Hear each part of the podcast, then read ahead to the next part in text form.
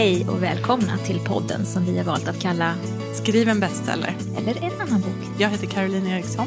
Jag heter Ninni Schulman. Och idag har vi kommit fram till andra säsongens sista avsnitt. Ja. Tänk, det är Tänk. vårt femtionde avsnitt. Ja. Du, du, du. Ja, det är en liten fanfar. Jag kommer att tänka på när du och jag satt här och firade säsongsavslutning på säsong ett. Ja. Då, då var det lite annan inramning, eller hur? Då var det sommar och eh, bubbel och tårta. Ja. Och nu har vi lite, nu är det snö och det är te och det är skumtomtar. Ja. Ja. Men det är bra det med. Ja, gud. Fint att vi fick lite snö just idag också. Ja, det passar liksom. Ja, lite Fin stämning. Ja. Mm. Hörru, du, ehm, du har lämnat in ditt manus. Ja. Igår. Da-da-da, En till Du, du, du. fanfar. Ja.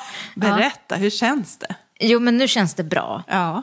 Det, det är jätteskönt faktiskt. Och när vi säger så här, du har lämnat in ditt manus, så känns det som att... Det har jag gjort flera gånger Ja, förut. precis. Men Ja. var... eh, Precis. Jag kan vi, ska vi ju- utveckla lite grann var Ja. i processen du är? Ja, men precis. Jag lämnade in mitt råmanus i eh, september och fick feedback då i början av oktober. Så jag jobbar med de feedbackfrågorna nu i två månader. Mhm. Och nu var det inlämning igen. Nu ska min redaktör John, eh, som ju har ett eget avsnitt här i podden Exakt. också. om Ett vill- väldigt bra avsnitt, Ja. måste vi säga. Det är Ja. faktiskt ett framgår vår speciella relation. Ja. Ehm, nu är det hans tur att ta hand om den här bebisen Mm. ett tag över jul. Det, jag tycker att jag tajmar in det här jättebra. Det har du verkligen gjort, det måste man säga. Ja, så att han ska hålla på att redigera nu till 8 januari och då får jag tillbaka det igen och sen så är det några vändor kvar Mm. eh, till dags för att trycka någon gång i mars. Och Men nu liksom- är det fyra veckors semester. Ja, vad, ska du, vad ska du göra med den tiden, förutom att fira jul och, och så? Nej, men jag ska försöka komma igång med lite bokläsande igen och så ska jag träna mycket. Åka skidor och sånt. Mm. Gör ett nytt försök till eh, Öppet Vasalopp. spår. Ja. Ja. Öppet spår blir det i år. De som har hängt med oss vet ju att Ja, det, det blev ju... Att jag håller på. Ja. Och att det inte blev något förra. Nej, precis. Du hade sjukt. alla förberedelser klara. Mm. Nej, men det blir en ny eh, vända med det då. Ja, men det ska bli jätte, jätteskönt i alla fall att få lite vintersemester. Så. Mm. Så har du nya krafter sen och Mm. ta tag i manuset igen då när du kommer tillbaka. Mm. Och jag har ju skickat det till dig också. Precis. Och jag ser fram emot att läsa. För att jag har ju läst första, utkastet och jag har förstått på det att det har förändrats ganska mycket. Det har byggts ut. Ja, mycket, det är mycket, Mycket. mycket längre nu. Mm. Och vad heter det, jag tänkte vi kan väl... eh, när jag, jag har inte börjat läsa. Nej. Eh, Jag var noga med att säga det till dig, för vi har ju pratat om det, att man vill gärna... Det här att någon ska ta emot ens manus, så vill man också veta liksom, att någon faktiskt kommer att läsa det. Ja. Och jag ser jättemycket fram emot att läsa det, och samtidigt så visste jag att jag kommer inte hinna börja med det förrän Nej. tidigast ikväll. Men i alla fall så öppnade jag ju det, och då eh, såg jag dina frågor som du ställde till mig där. Vi har ju pratat lite grann om det här med feedback och att man inte bara ska lämna det till vem som helst och hoppas att de ska säga att det är världens bästa manus eh, någonsin utan att man ska skicka med lite funderingar. Ja. Och man det ska här är då fundera på vad, man, vad det är vad det är man vill veta. med det här. Ja, och då tyckte jag du hade så himla bra frågor. Så att vi kan väl, ska jag läsa upp dem? Ja, då? läs upp dem och se. Fem frågor är det. Och då är det ett. Vad i manuset gillar du mest? Vad är historiens styrka? Det här tänker jag är viktigt att det, det är jätte, jätteviktigt för det är så lätt att glömma bort. När man håller på med redigering och sådär så är det så lätt att man tänker att man ska ta bort det som inte funkar och man ska ändra på sånt som inte riktigt är bra, man filar och donar. Men lika viktigt är det att säga, vad är det som är awesome som vi pratade om i något annat avsnitt. Vad, liksom, ta inte bort det här, det här är verkligen det som är grejen. Så, så det är en jättebra fråga. Eh, fråga två. Finns det någon passage som tappar i fart eller intresse? Var och varför?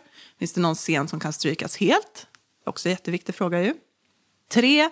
Finns det något som gör dig extra nyfiken, engagerad och som jag borde utveckla eller fördjupa ytterligare?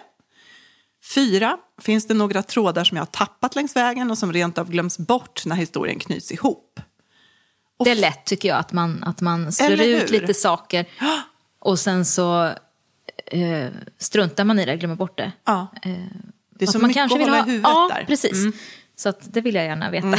Och där kan man också ha olika uppfattningar om hur, hur, Hur viktigt det är att knyta ja, ihop. och hur, och hur, hur tydlig man ska vara. För att det, det kan vara en väldigt fin gräns mellan att vara övertydlig och att respektive att lämna liksom, lite för mycket öppet. Och där har man också olika smak ju, Ja. tänker jag, som, som läsare och så. Så att det är jättebra ju, för man höra lite. Och sen då det sista, eh, fråga fem. Finns det något du inte förstår? Och så har du skrivit så bra, i parentes, på ett dåligt sätt. för att, och det tycker jag är bra, för att eh, man kanske inte ska förstå allting. Nej. Men, men alltså att det är någonting som jag tycker är förvirrande. Eller jag fattar inte, hur blev det här egentligen? Ja, eller. Varför gjorde de så? Så att jag tyckte det var jättebra frågor. Och de kommer jag ju att, att ha med mig Mm. när jag ska läsa. Ett tips till er där ute. Mm, så får ni spela Fundera tillbaka och, och era skriva ner här egna nu. Mm, funderingar. när ni går till era testläsare sen. Men du då? Ja, eh, jag kommer rakt från akuten höll jag på att säga, men det gör jag inte. Men, eh, men jag hade en liten eh, upplevelse här, eh, de som följer mig på en liten upplevelse, eh, nära döden-upplevelse. nej, men eh, nej, jag, eh, eh, jag la ut det på Instagram, så de som, de som följer mig där, vi behöver inte kanske ägna oss så mycket mer åt det, bara konstatera att jag eh, var på mammografi, svimmade, hamnade på akuten, neurologakuten. Så, så, så, så kan livet bli ibland. Och då får man ju som en liten sån här eh, omstart, eller nystart kan man säga. Dels får man ganska många timmar, och där jag fick ligga då på observation, så att de skulle se att det inte var något knas, eh, att det bara var bara var något blodtrycksfall och kanske kombinerat med lite stress eller så. Som det då var visade sig till slut. Men i alla fall, då hade jag väldigt mycket tid att ligga där i den här sjukhussängen och tänka. Och jag hade också då med mig i bakhuvudet ett möte som jag hade tillsammans med min förläggare och min agent eh, lite tidigare i veckan. Jag hade med mig en Eh, faktiskt på morgonen hade jag slagit upp en gammal anteckning, en gammal anteckningsbok och hittat en, en idé som jag liksom har haft, eller ett frö till en idé kanske man ska säga, som jag haft sedan tidigare och som jag nu kände att, oh, men vart tog den vägen? Den är bra. Och när jag låg där då så, så, så tänkte jag mycket på att när jag träffade min förläggare och min agent och vi diskuterade den idé som jag har börjat skriva fram lite grann, så sa jag till dem att det viktiga för mig i den här, det är egentligen temat, liksom det underliggande temat och det här med, med då att det är ett äktenskap eller en relation där de här två inte, de har vissa hemligheter för varandra som är ganska avgörande. Eh, och sen utsätts deras relation och deras familj för prövningar och hur långt är de beredda att gå för att liksom upprätthålla eller hålla ihop den här familjen och så. Eh, Jag tycker det är spännande att liksom utsätta, när man utsätter folk för, för press och, och så, vad händer? Och det var det jag ville jobba med. Eh, och så hade jag en story till det. Men så tänkte jag det när jag låg där. att Men jag, jag, det är någonting med den där storyn som, som inte riktigt liksom, eh, får mig att gå igång sådär. Men den här nya, eller den här andra, gamla rättare sagt, historien från, i den här anteckningsblocken. Den kändes som det var en annan story men egentligen samma tema. Ja, ja. Och så kan det vara tycker jag ofta. Att, att, eh, nu kanske det här låter lite rörigt, men om man säger så här. De som har läst De försvunna till exempel av mig då. Där har vi ju teman som destruktiva relationer, moderskap, eh, kvinnor som liksom reser sig och slår tillbaka på olika sätt. Och det är ju tema, det är teman. Eh, men man kan ju skriva en bok som är helt annorlunda än De försvunna med ett helt annat händelseförlopp. Eh, som ändå har samma teman. Och lite så där är jag nog nu. Att jag, det är de här temana som, De- de som jag brinner dig. för. Ja. Ja, och som jag vill utforska. Eh, och sen kanske historien blir lite annorlunda än vad jag först hade tänkt. Och karaktärerna som då befolkar den. Mm. Eh, så nu är jag lite så här tillbaka någonstans på, jag ska inte säga tillbaka på ruta ett, men lite så här, eh, vad heter det, spelplanen liksom. Jag står på gå. Men hur, hur känns det då? Ehm, Är det kul eller känns det... Jo, men då, det är ju någon lustfylld, eh, som vi varit inne på tidigare, det, det finns någon lustfylld grej i att allt är möjligt och man, man känner det här enorma pirret när man går igång på någonting. Och sen samtidigt så är det ju en, en osäkerhet och, och så, att hur ska det här bli? Eh, jag är också liksom i den situationen att jag har ju inga till skillnad från när jag skrev Hon som vakar, den boken var redan såld innan jag ens hade skrivit liksom en mening. Så är det inte nu. Det finns, inget, eh, finns inga avtal eller kontrakt åt något håll. Nej. Varken med svenskt förlag eller utländskt förlag. Och det gör att ja, det blir liksom mer förutsättningslöst. På gott och ont. Men jag tror, om jag ska då tänka på det här på ett positivt sätt, eh, vilket jag försöker. Det kanske är en situation som faktiskt passar mig ganska bra. Att befinna mig där. På vilket vis? Ja, då är det liksom tillbaka till mig och mitt driv. Liksom. Vad är det jag vill berätta?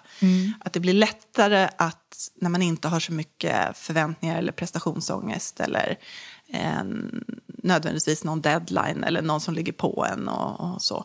Utan att det här får växa fram från mig.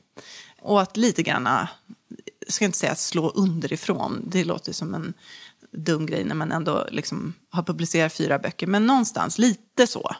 Eh, och det är väl, det, det tror jag kan passa mig. Eh, så att, eh, ja, jag, jag tror så här att jag, det kan möjligen vara så att jag behöver vila lite här nu över, eh, över ska jul och vila. nyår. Ja. Men det finns en, en lust i mig ju. Det är att, bra. Att skriva. Ja. Det är bra. Ja. Vi pratade lite om det innan du och jag här, Ja. när jag kom, att, att vi har lite olika förhållningssätt till hur vi, hur vi jobbar. Du börjar skriva ganska snabbt, Mm. som regel, efter att du har släppt en bok. Eh, och jag går och lallar runt och tänker och att vi ser, bägge två ser den andra som, som man egentligen ska göra. är inte det lite dumt? Jo, det är lite dumt faktiskt. Att man inte, jo, men vi, precis det där att man, processen kan ju se olika ut och det finns inget som är rätt eller fel. Nej. Och där jag kanske skriver mig fram Ja, till det som sen faktiskt blir den idé eller den, den handling eller den, den berättelse som jag Ja. slutför. Så Ja, Du har ju mycket, mycket större skrivbehov än jag. ja, det var det du sa, det tyckte Ja. jag var så himla spännande. Jag ska Det är liksom helt suga på det. uppenbart. Ja. Jag, jag tycker ju mer om att gå och fundera på vad jag ska skriva. Mm. Hit och dit och fram och tillbaka och vända och vrida på grejer. Eh, och sen så när jag... Sen så, ja, just det, så ska den skrivas. Ja, det lilla Det lilla. Ja. Ja. Eh, och, och det brukar väl funka det med. Men, men du har ju... Det känns som att du måste skriva varje dag. Att det kommer meningar till dig, Mm. formuleringar och så. ja, det gör det. Jag, det kan gå veckovis där jag skriver ett enda ord. Ja, men, men det kan det göra för mig också. Men däremot så, så går det inte veckovis utan att, jag, eh, liksom, att det kommer formuleringar, det kommer tank, alltså så, att jag, Ja. liksom någonting som behöver ut. Så. Det gör det. Så att jag, jo, För men mig jag kommer det med scener, Ja. inte formuleringar. Jag Nej. Mm. kan se saker, se personer, jag kan höra dem prata och så. Men mera liksom att jag ser Ja. Mm. saker. Men för det, till dig kommer orden direkt. Mm, det kan vara både och. För Ja. jag ser också mycket sekvenser. Liksom. Mm. Speciellt när jag väl sitter och skriver så ser jag hur det spelas upp som en film. Men, men också absolut ord och formuleringar och så. Det är väldigt mycket, väldigt mycket så det fungerar. Och att jag, jag kan känna det där att det, det finns något uppdämt i mig. När jag inte skriver så, Mm. så liksom, det finns något uppdämt. Alltså som att jag, jag måste, Måste liksom, ut. ut. Ja, precis. Nej, men det är faktiskt lite intressant att Ja. reflektera över hur man eh, Tar sig an. tar sig an det här, den här fasen innan man riktigt liksom är igång med brödskrivandet, om man ska säga så. ja. Mm. Jag njuter väldigt mycket av den här tiden innan man sätter sig. Ja. Eh, leker. Det är som en verklighetsflykt. Ja. Ja, En det alternativ-. Ja, Alternativa fakta. Ja, en alternativ, lite mer spännande verklighet. Ja. Har det alltid varit så för dig? Ja, är liksom- det tror jag. Och att, och både historien i sig men också att snart sätta igång med ett projekt som ska bli jätte, jättebra. Ja, den här gången. Den här gången ska Oj, det, oj, vad bra det ska Ja. bli. och, och sen när man sätter sig så märker man att, att hur svårt det är varje Mm, gång. Eh, och då förtar det lite grann Mm. den här lättheten. Ja, just det. Men jag älskar den här, så jag drar mig kvar där ganska länge, den här icke-skrivande, lätta fantasivärlden. Ja. Har du börjat leta dig in i den fantasivärlden inför nästa bok? Ja, jag har ju det. Ja, du har det? Ja. Och, och hur är det då? Liksom, vad... Det är underbart. Ja, då njuter du? Ja, ja, ja. Jag, jag, jag ser scener med Magdalena och Petra och, Ja. och Christer. Och, de, är, de är mina låtsaskompisar, så jag Ja. går och tänker på dem hela tiden. Så- Det är jättekul! Ja, Ja. och där njuter du liksom? Ja, ja, ja. Men du har inte börjat anteckna någonting? Lite. Mm. Lite. Och jag tänker faktiskt eh, fortsätta anteckna och, och fundera på något synopsis här nu, tänker jag. Under julen. Inte så att jag måste det, utan snarare för att jag tycker att det är kul när det kommer. Liksom. Jag ska släppa just på kranen lite grann. Ja, ja. låta Du den... förstår vad jag menar. Ja, jag fattar precis. Ibland droppar den, ibland Ja, forsar. ja. Det gäller att vara där och fånga upp. Liksom. Ja, men leka Ja. lite med teman och, och leka lite med karaktärer och, Ja, och så. ja. Det har vi en fråga om. Ja, det har vi. Ska vi ta den direkt? Jag ska väl bara busa lite När vi bara var, var där. Ska vi köra så? Vi, fick ju, vi har ju faktiskt eh, vi har svarat på en lyssnarfråga varje Mm. gång. Men nu hade vi ju två frågor som vi kände. Då, då bara är kör. vi lite så här wild and crazy och kör båda. Pernilla eh, skrev till oss. Just det, hade Eh, du frågan ja, jag har den här. Hon undrar när i skrivprocessen vi börjar göra karaktärsbeskrivningar. Och fundera på de här personerna vi skriver om. Om det är redan på synopsisstadiet eller om vi börjar skriva eh, oss fram. Mm. Och även hur, hur noggranna synopsis vi gör och lite sådär. Men Mm. vad säger du? Hur, hur väl känner du dina karaktärer när du börjar skriva? Det känns som vi har, nu, nu med risk för att upprepa lite grann vad vi har pratat om tidigare i olika sammanhang. Men jag, jag eh, känner dem ganska väl. Mm, jag gör ganska mycket mm, förberedelser kring och tänka på vilka de är. Och det gör jag egentligen parallellt med att jag funderar igenom storyn. För att lite grann är det så att vilka de är är ju också anledningen till att storyn utvecklas som den gör. Så att det, för mig går det liksom, det är inte så att det bara, ja det finns den här personen och den vill jag skriva om. Jag undrar vad som ska hända med honom eller jag undrar vad som ska hända med henne. Utan det, jag vill ju berätta en viss historia. Och den hänger ju ihop med en viss person, tänker jag. Så för mig går det där hand i hand. Men sen, som jag också tror att jag har sagt förut, så blir det också, eh, och det hänger väl kanske ihop med det här att jag, jag skriver mig fram. Jag har mina karaktärer, men jag skriver också fram dem. Så att längs vägen så kan det visa sig att de är kanske på ett annat sätt än vad jag för, eh, trodde först. Eller att jag förstår dem bättre och så. Då måste jag, liksom, måste jag ju ändra i det här händelseförloppet eller vad de gör eller säger eller så. För de, de liksom framträder för mig också väldigt mycket tydligare när jag skriver. Så för mig är det inte liksom en färdig person på ett papper och sen bara öser man på. Utan jag har någon, någon bild av dem och sen skriver jag. Men då klarnar bilden av dem också under tiden. Hur är det för dig? Jo, men jag har nog ungefär lika... Fast jag älskar ju att gå och fundera på karaktärer innan jag börjar skriva. Kan jag göra det i månader? nej, Oj, men, oj, oj. ja, oj, oj, oj, vad kul det är. eh, nej, men jag, jag tycker att det är väldigt roligt att och liksom närma mig dem och lära känna dem. Men i den här, det här manuset som jag håller på med nu, så eh, framförallt med en av personerna så har jag fått fundera ganska mycket varför den här personen är som hen är. Eh, för att jag ska förstå eh, det själv. Så då har jag fått, jag har fun, fått, fått fundera mycket. Ja. Igen och igen och igen. Även om jag tyckte att jag hade en ganska bra bild när jag började skriva så har jag fått ja, fundera lite till. Men jag tror också att det är viktigt att man faktiskt att man lär känna sina karaktärer hyfsat innan man börjar. För att det handlar ju om, om man ska beskriva ett, em, en flygplanskapning så reagerar ju människor olika beroende på vilka de är. Så det räcker ju inte med att ha en, ett händelseförlopp och en historia och sen bara ställa in en människa som heter Tore och är, har eh, blont hår och tro att, att den här Tore kommer att agera på, på något trovärdigt genomgående sätt utan, och, eller ett intressant sätt. För att Tore måste ju vara någon, bära på något, Ehm, tycker jag. Ja. Det, eller så är det att, att jag själv tycker att det här med karaktärer och psykologi och Ja. relationer är viktigt. ja, precis. Det beror på hur man, Men- hur man är, men jag, jag tycker att det är viktigt. Nej, men jag håller med dig. Och just därför så, tänk, så kanske jag, jag... Jag kan vara, till exempel så här då. Jag har skrivit en scen där eh, en karaktär sätter sig i en taxi för att åka till flygplatsen. Och det är ingen central scen. Det är, liksom inte, det är bara en taxiresa och det kommer vara några meningar. Men ändå känner jag så här, jag måste veta hurdan är hon mot taxichaufförer? Är hon den som sätter sig i framsätet? Sätter hon sig i baksätet? Tycker hon om att prata med taxichaufförer eller inte? Och om hon gör det, vad säger hon? Är hon liksom trevlig? Eller, alltså, förstår du? Just det. Och de grejerna, det är ju ingenting man sitter och planerar på någon slags förstadium. Nej, Ja, utan... hur är hon när hon åker taxi? Nej, så att så, det är nog det jag menar. Att Ja. När man liksom lär känna en karaktär genom skrivandet så är det väldigt mycket sådana där vardagliga scener. Ja, men hur gör hon här nu då? Ja. Liksom, när hon går över till grannen på glögg, vem är hon då? Alltså, det är ingen viktig scen, det ska hända någonting på den där glöggen.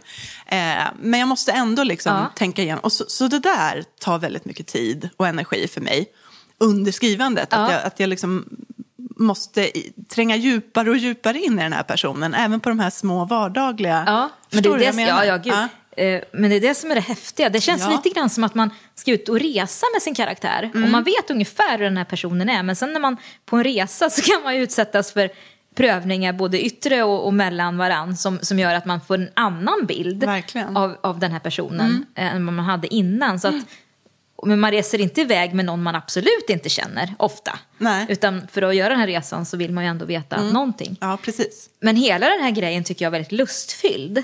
Ja, det är väldigt kul. Ja, Det både att förbereda och sen upptäcka att men den här var ju inte alls så där. Nej.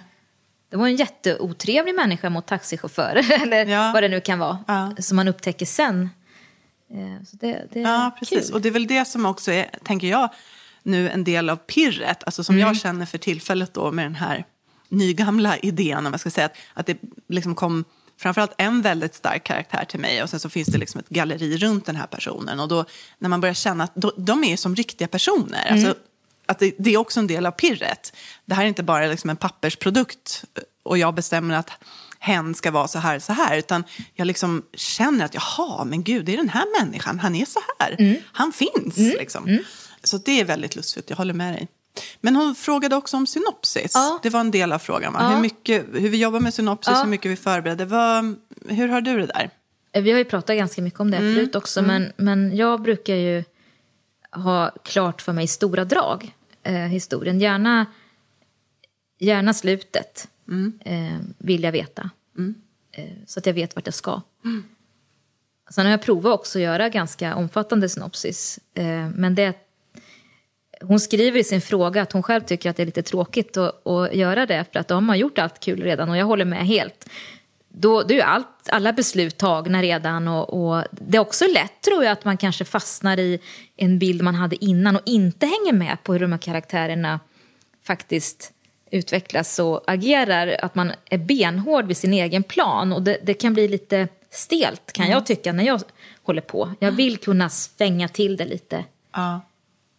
Ofta tycker jag att synopsis är nästan någonting man mer skriver för andras skull. Ja, Det är för att andra ska kunna hänga med, en förläggare eller en Precis. agent eller någonting, att det här är vad jag har tänkt göra. Ja. Och det blir aldrig så bra som man ser det i sitt eget huvud, därför att det blir ju platt, alltså det blir väldigt endimensionellt. Mm. Eh, och lite trist. Så att jag, jag tycker de gånger som jag har gjort synopsis, eller som jag gör synopsis i Word-format, så är det absolut inte för min skull. Jag Mm. Nej. tycker det är, men hur tänker du inför nästa bok nu som du ska igång med? Ja, då tänkte jag faktiskt, jag dammade av den här gamla Elizabeth George eh, hand, skrivhandboken som vi har varit inne på ett par gånger. Att skriva heter den. Mm. Skriv på. Skriv på heter den. Ja, jag tänkte att jag skulle kanske följa lite grann hennes eh, modell där Ja. faktiskt. Där hon mera, liksom, hon går ju också från karaktärer och sen via liksom, scener. Eh, och så försöka att, att tänka liksom början, mitten, slutet. Och ett, ett, alltså, vi har ju pratat om det här med synopsis och sånt förut så ganska mycket. Man kan ju gå tillbaka och kolla gamla avsnitt när vi pratar om, om det här. Men jag tänker en bra grej som vi faktiskt eh, pratade om till exempel med min agent och förläggare på det här mötet som jag nämnde. Det är det här med att man kan laborera lite grann med vad som händer om det som jag har tänkt som slutet. Vad händer om jag gör det till mitten i historien? Alltså, sådana grejer tycker jag man kan ha.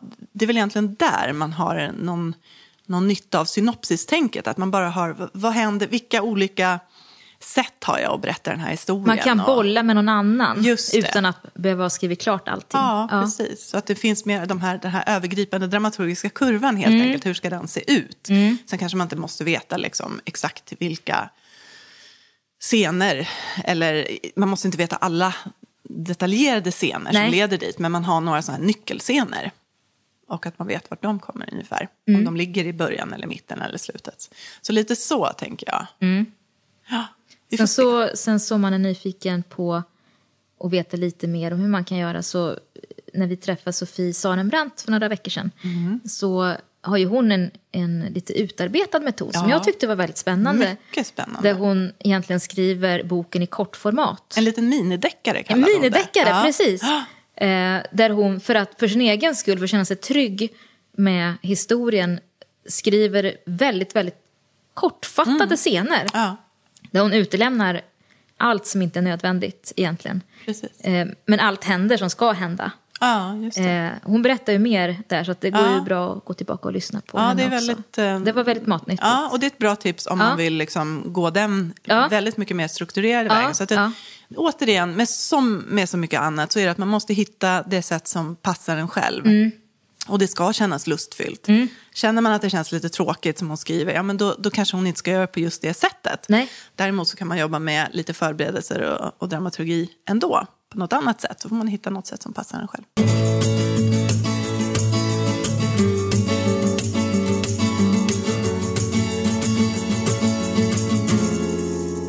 Just det, vi har en fråga till som sagt den här veckan. Eh, och den kommer från Ann-Marie. Eh, hon vill ha en eh, fördjupning. Hon vill att vi pratar lite tips eh, kring just spänningsromaner. Till exempel hur man höjer drivet och spänningen i sitt manus. Hur vet man om det man har skrivit är spännande för läsaren? Finns det några knep? Har du några knep, Ninni Schulman? Ja, efter skumtomte här. Ja, ja. och vi har, ju, vi har ju Malins kakor också. Ja. För ni som har varit med ett tag, vi har fortfarande kvar kakor från eh, Malin, Malin Persson, Giolito. Hon var här. Så, För ett år sedan nästan, Ja. precis. Eh, så om det knastrar lite så, Så vet är det ni. det. Ja. eh, kakor från Bryssel. ja, precis. Eh, det är ju ganska lustigt, vi har ju fått den här frågan lite då och då med spänning, men vi har undvikit den. Ja. Trots att vi skriver i den genren bägge två. Mm. Och det finns väl en anledning till det, för det är ju jättesvårt, eh, tycker jag. Vad, vad är spännande Mm. och hur gör man saker spännande? Det är ju väldigt mycket upp till var och en vad man tycker är spännande helt enkelt. Mm. Och det är ju inget svar, så vi ska väl försöka prata lite, lite Det var mer korta svar. svaret. Det det korta. Nu kommer det långa. Ja, nu, pass på allihop. Eh, jo, nej, men, men det är ju liksom det grundläggande att det finns ju inget, inget eh, korrekt svar. Men om man ska ge några konkreta tips eh, till hur man bygger upp spänning. Det är ju, ett är ju till exempel att inte avslöja allt på en gång. Att Nej, man, det är ett väldigt bra tips faktiskt. Ja. Alltså, på riktigt. På riktigt! Eh, ja. Att utelämna lite, lite detaljer. Fast man får heller inte vara så där luddig Nej. bara för att vara luddig. Att Ja. man själv inte vet varför man är luddig. Utan man måste verkligen veta vad är det man gör. Men att, att utelämna lite grann eh, även i scener där det inte behöver vara så spännande. Men det kan vara en dialog mellan två personer. Som, som, men att, att det blir en spänning Ja, i relationen. Ja. Eh, det tycker jag är effektivt. Mm. Jobba, jag har jobbat mycket med det i det här manuset. Ja. Att portionera ut information lite pö om pö. Ett annat är ju också att Hur har du jobbat med det då? Alltså om vi ska vara konkreta där. Har du liksom gjort det i efterhand? Så här, tänkt igenom liksom på manus på övergripande nivå att här lägger vi det, det, det, det. Mm. Ja, det har jag gjort. Ja. Därför att en av de här, eller bägge personerna har ju en bakgrund Mm. som den här berättelsen handlar om. Eh, och istället för att allt ska komma fram på samma gång så blir det liksom lite utportionerat under ganska lång tid. Mm. Så att man som läsare liksom förhoppningsvis ska tänka jaha, var det, var det så? Och förhoppningsvis så knyts allt ihop på ett väldigt snyggt sätt på slutet. Då. Men att det har jag verkligen försökt så att inte... Jag hade lätt kunnat skriva hela eh, typ bakgrunden i första kapitlet eller första scenen man, när man möter den här en av huvudpersonerna. Men, men medvetet så har jag eh, delat upp det väldigt mycket. Ehm, så jag tror, vi får väl se vad John säger sen, men jag, jag känner mig ganska nöjd med, med vissa delar i alla fall där. Eh, så det är ju ett tips då. Eh, Men att man som sagt själv ska veta vad, vad, varför man gör det här. Ja. Och vad som egentligen har hänt, att man inte bara liksom Nej. är lite mystisk Nej, utan precis. att veta och sen glömmer man bort det, vad man la Vad ut för någon mystiska, dimridå. liksom? För Ja. Mm. eh, man måste veta. Eh, och sen också att man skiftar perspektiv. Mm. Att i en deckare eller spänningsroman så är att, att eh, man växlar mellan vardagliga scener med lite mer eh, klassiska spänningsscener, lite mer eh, brottsplatser och, och förhör och, och biljakter eller vad det nu kan vara med liksom att man verkligen ja, mixar dem. Det tycker jag är effektivt. Att ganska korta kapitel, ett annat tips. Eller att man växlar även eh, kapitellängden. Så att inte alla kapitel är korta och inte alla är långa utan man liksom kör lite så. Eh, det kan jag tycka är... Och det här med kapitellängd tänker jag också liksom att det handlar om, jag håller med dig, korta kapitel. Och sen också att man tänker igenom var man bryter kapitel. Det Ja. har vi också pratat om. Ja.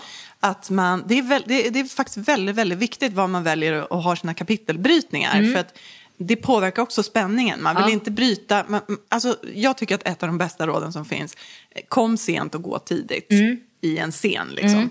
Du, du ska inte liksom låta den klinga av för mycket en scen, utan du kanske liksom lämnar när det är som mest spännande. Precis. Eh, och sen då, där gör du till exempel en kapitelbrytning. För det gör ju att läsaren vill ju, är ju mitt i. Liksom, Det blir en cliffhanger då. Ja, då måste man fortsätta läsa. Och så kan man lugna ner takten i mitten av kapitlen istället. Just det. Om man kan. Det är ju liksom, ibland så, så funkar ju inte det. Men, men om man tänker så att de här lite lugnare partierna, att man försöker lägga dem, bädda in dem mitt i kapitel istället för att det kommer i början eller slutet av ett kapitel Just.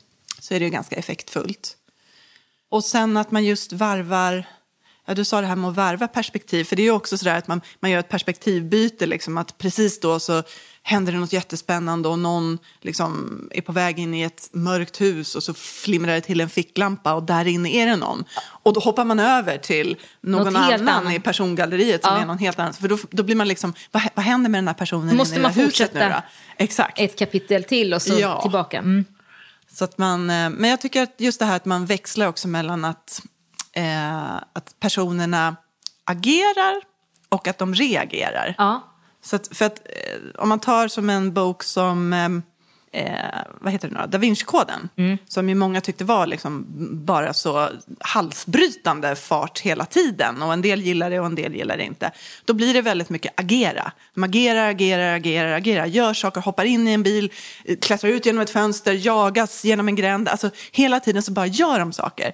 Men i, de flesta läsare vill nog ha en, en, en liten växling mellan det där. Att man, man agerar, man blir jagad någonstans men sen så får man tillfälle att samla ihop sig och, och då kan man börja reagera och fundera då, vem var det där och varför jagade de oss? Och hur var det med de här pusselbitarna som kunde lägga ihop? Och så, och så händer det någonting igen som gör att man måste iväg och så där.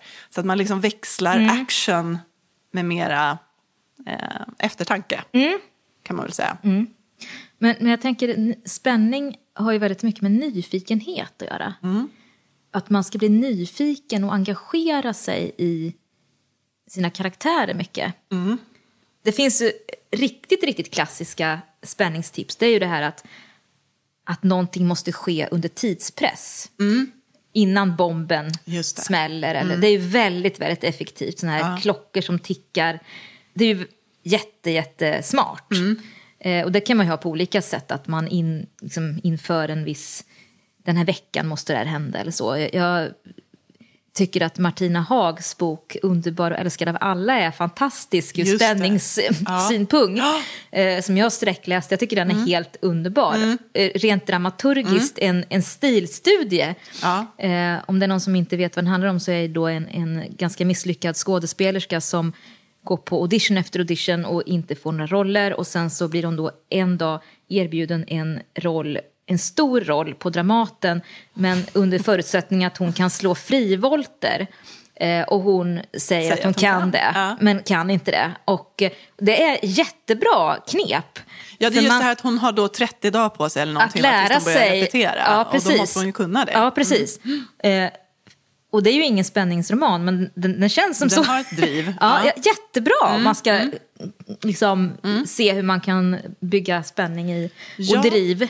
Och det, det är jättebra att du tar det exemplet. För jag tänk, nu, frågan gällde ju just spänningsromaner. Men egentligen kan man säga att alla böcker Mm. Måste ju ha ett driv. Det, ja, precis. Och det, det drivet handlar ofta om den där spänningen. Mm. Och spänningen är ju väldigt emotionellt och kopplad till de här karaktärerna. Hur ska det gå för henne?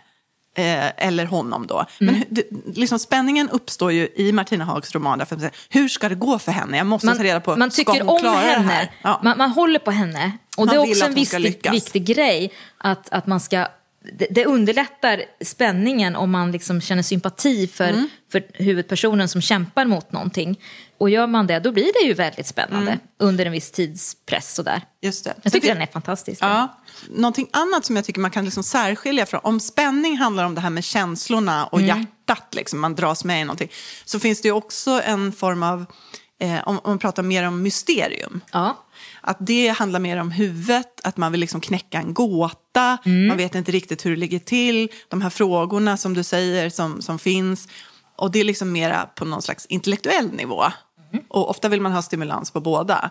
Och ser man, om vi nu tar bara för enkelhetens skull i en deckare då, det, det, liksom, mysteriet handlar om, ofta om vem är mördaren? Ja. Eh, Och sen när man väl har fått veta det så kan man ändå hålla spänningen vid liv därför att just det, precis när vi förstod vem som var mördaren så inser vi också att eh, en av våra hjältar eller någon journalist eller någon sitter ju ensam i en stuga med, dit den här personen är på väg och det finns inga telefoner där och vi måste åka dit men det tar fem timmar och, liksom, och, och då medan de åker dit så, så liksom, där uppstår ju en spänning därför att vi, nu är det inget mysterium längre Nej. men spänningen kvarstår därför Ja, att vi ja. vet inte hur ska det gå.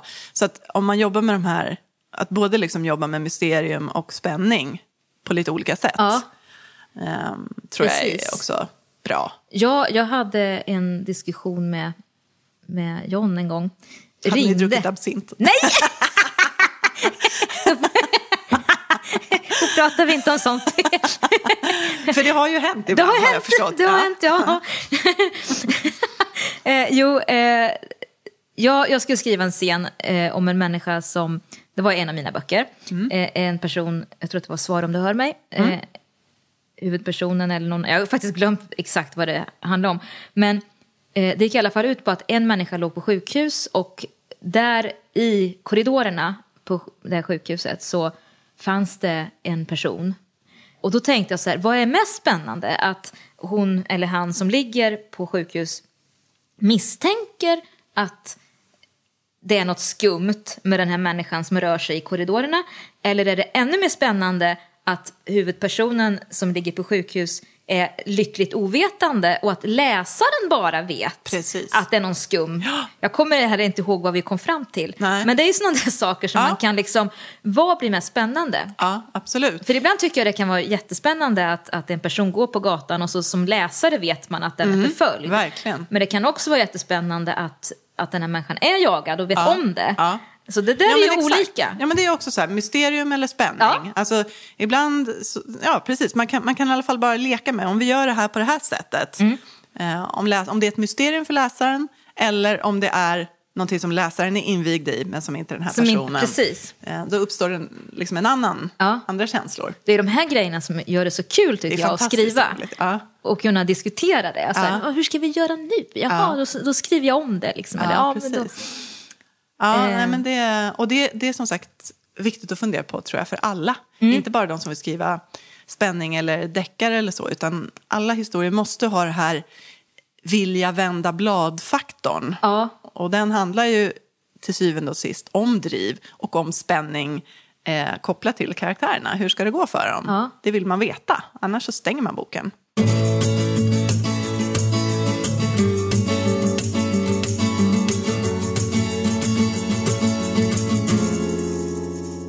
En del spänningsförfattare är ju väldigt förtjusta i våld. Eh, och ganska Mm. Ganska äckliga, extremt våld. Mm. Ja, ganska äckliga saker. det kan man diskutera hur det, spännande det är. Jag tycker att det är ett ganska, om jag ska säga, jag tycker det är ett ganska billigt trick. Och själv så hatar jag att tänka på läskiga, så här, riktigt utstuderat hemska saker. Jag, jag, Jag tycker också det är, det finns gränser liksom. det är extremt obehagligt och eh, ehm, här är ju alltid lite så här, eh, ska man ta några exempel eller ska man inte göra det? Ehm, men Du har något exempel. Jag vet du sa för Mm, ja. några år sedan om någon bok du bara jag, nästan eh, mådde illa ja, men det gjorde jag. fysiskt illa. det gjorde jag, och då säger jag vilken det är då. Ja, gör det. Ja, för, och det, det är ju lite jobbigt för det är en bok som är ganska håsad och jag vet, det är väldigt många som tycker väldigt mycket om den. Och det är Karen Slaughter, Mm. De vackraste. Vad var det den som fick Ja, dig att du. må så illa? Eh, ja, vi kan börja med framsidan. Ja. Alltså fram, så, framsidan är liksom någon form av så här ganska skrovlig stenvägg och så är det liksom en slaktkrok på. En upphängningskrok så. Då vet vi vad vi Då vet snackar vi. om. Mm. Det, jag tycker det är en ganska tydlig, liksom, för, för mig redan där börjar det med, vad är det man vill, vilken typ av läsare vill man attrahera? Vad är det för, vad är det för luster och drifter i människan som man liksom söker Ja. med ett sånt omslag? Ber om ursäkt nu alla Karen Slaughter-fans, men jag tyckte också den boken var fruktansvärd.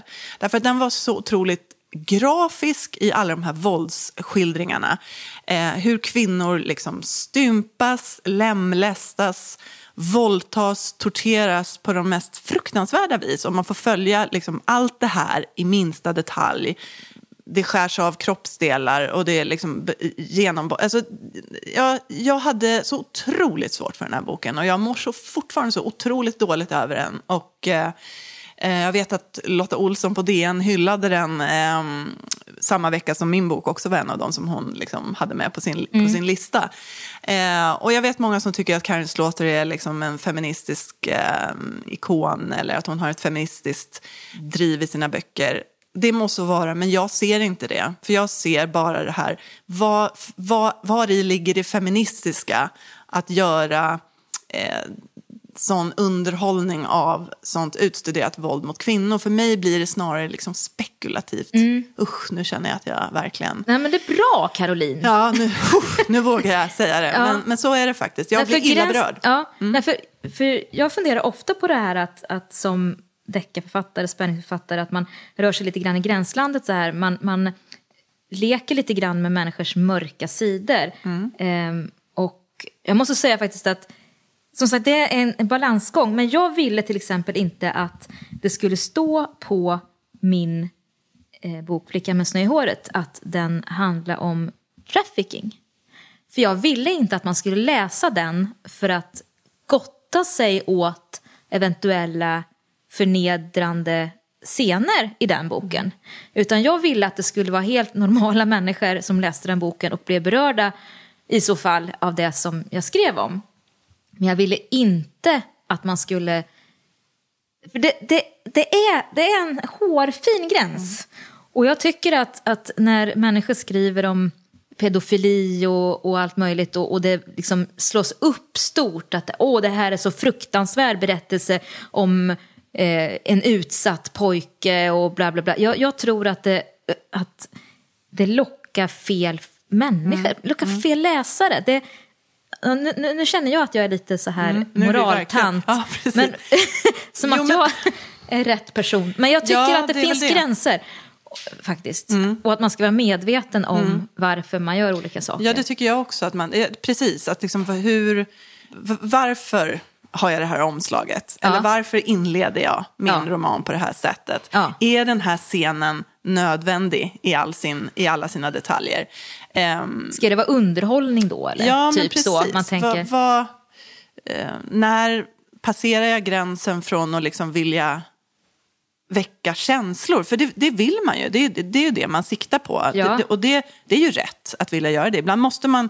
Det finns scener som jag har skrivit också där jag har känt både i Djävulen hjälpte mig och i De försvunna kanske framför allt. Som är jobbiga för mig fortfarande att tänka på. Men de måste finnas där för att liksom, det ska finnas den där nerven i berättelsen. Jag bedömer det. Eh, och sen kan man ju tycka att jag är skenhelig då. Men, men, eh, men jag har också stannat liksom, vid en punkt där jag känner att ja, det här räcker.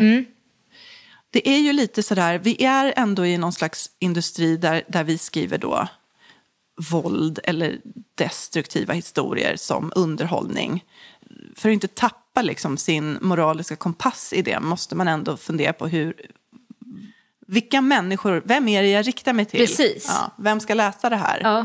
Och, och liksom hur, hur paketerar jag det? Precis. Och sen som sagt, är det ens det som är spänning? Alltså att bygga Nej, men- spänning som inte har med blod att göra, det är väl det som är grejen. Det är det som är det svåra.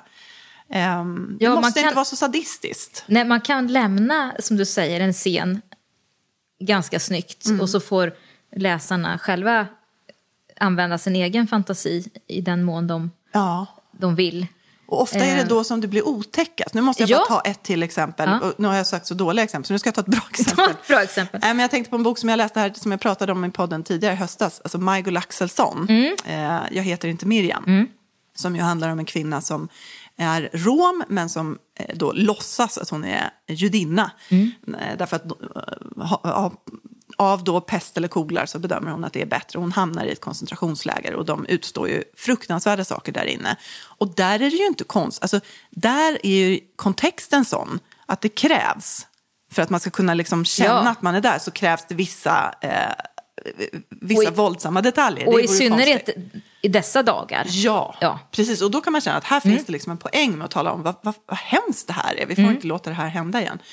Men den scenen som, är liksom, som man går och väntar på hela tiden, det, det är en scen där man har förstått redan i inledningen att hon leds in i ett rum för att bli piskad. Okej. Eh, och att hon då efter det här är liksom i princip nära att stryka med och att det, det är ett fruktansvärt rum det här och så. Och, och det, det här bygger då Majgull Axelsson upp till att det här ska hända.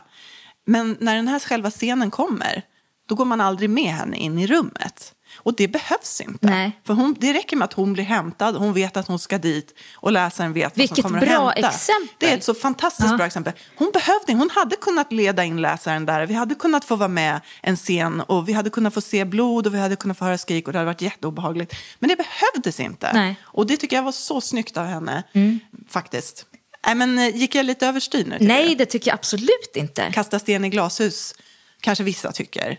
För att en del tycker att mina böcker är otäcka, men, men det är klart, man har olika, liksom, vad är det otäcka? Jo, men det får man ju på något vis, man får ju sätta sin egen gräns och i alla fall tänka efter varför, varför är det så nödvändigt att beskriva de här vidrigheterna i Mm, detalj. Eh, Tillför det någonting egentligen? Precis. Man ska tänka på det i alla fall. Ja, Sen hur precis. man gör det är väl upp till var och Ja, en då, men, en. såklart. Men, men tänk på det i alla fall. Ja. Och det går att bygga spänning på andra sätt än med hjälp av seriemördare. Ja, det gör det.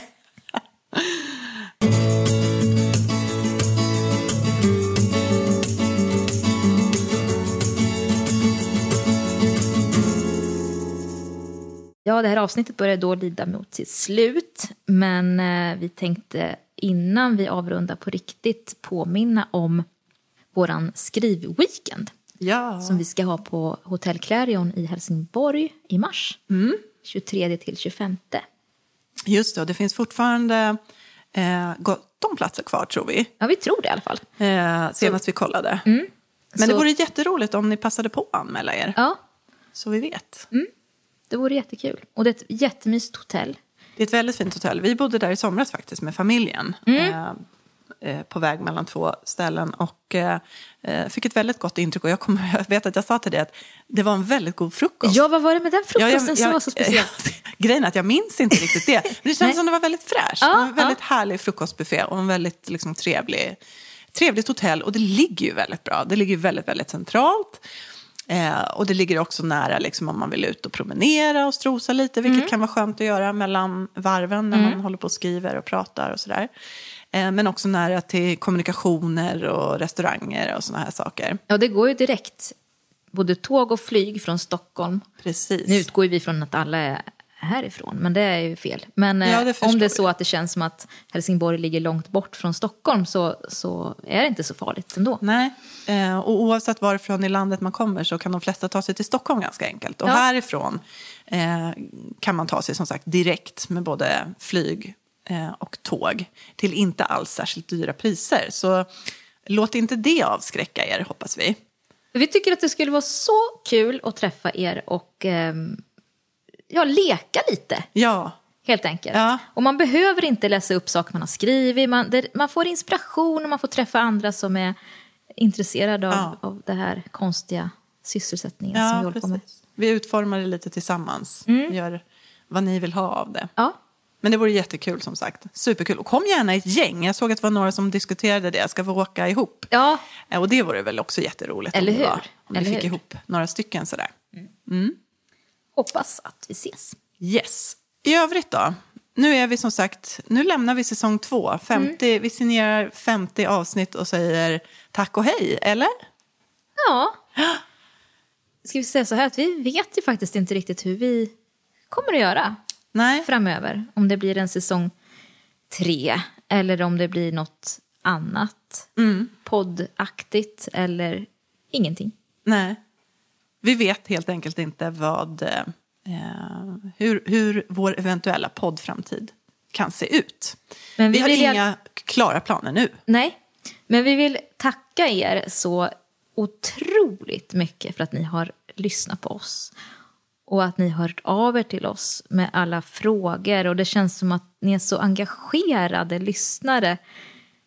Som att vi har betytt något för er. Ja, vi har känt sån, eh, eh, sån värme ifrån er. Ja. Eh, sån otroligt fin respons. Och det vill vi ju verkligen, med risk nu för att bli lite så här Gråtmilda smetig, nästan. men alltså det har betytt jättemycket. Mm. Eh, Vi har haft kul hela tiden.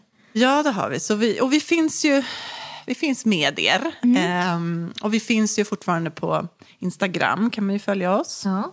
Där heter jag Caroline Eriksson Writer. Mm, jag heter Ninni Schulman.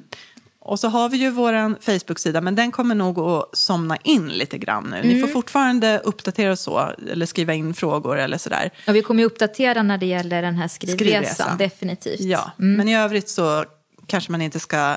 Det bästa sättet att kommunicera med oss är nog via Instagram, skulle jag Ja. Rekommendera. Va? Precis. Mm. Och så får vi se, som sagt, om vi hörs eller ses i något annat sammanhang. Och vi får ju önska er då lycka till Ja. med ert eget skrivande. Verkligen. Stort lycka till. Så hoppas vi att vi har gett er några tips på vägen. Ja, och ni har gett oss jättemycket, så tack. Tack för att ni har lyssnat och varit med. Och tack Tim Strandberg på Ja. poddbyrån. Tack Timmy. Och tack till Josh och den här fina låten som vi har haft med oss hela tiden.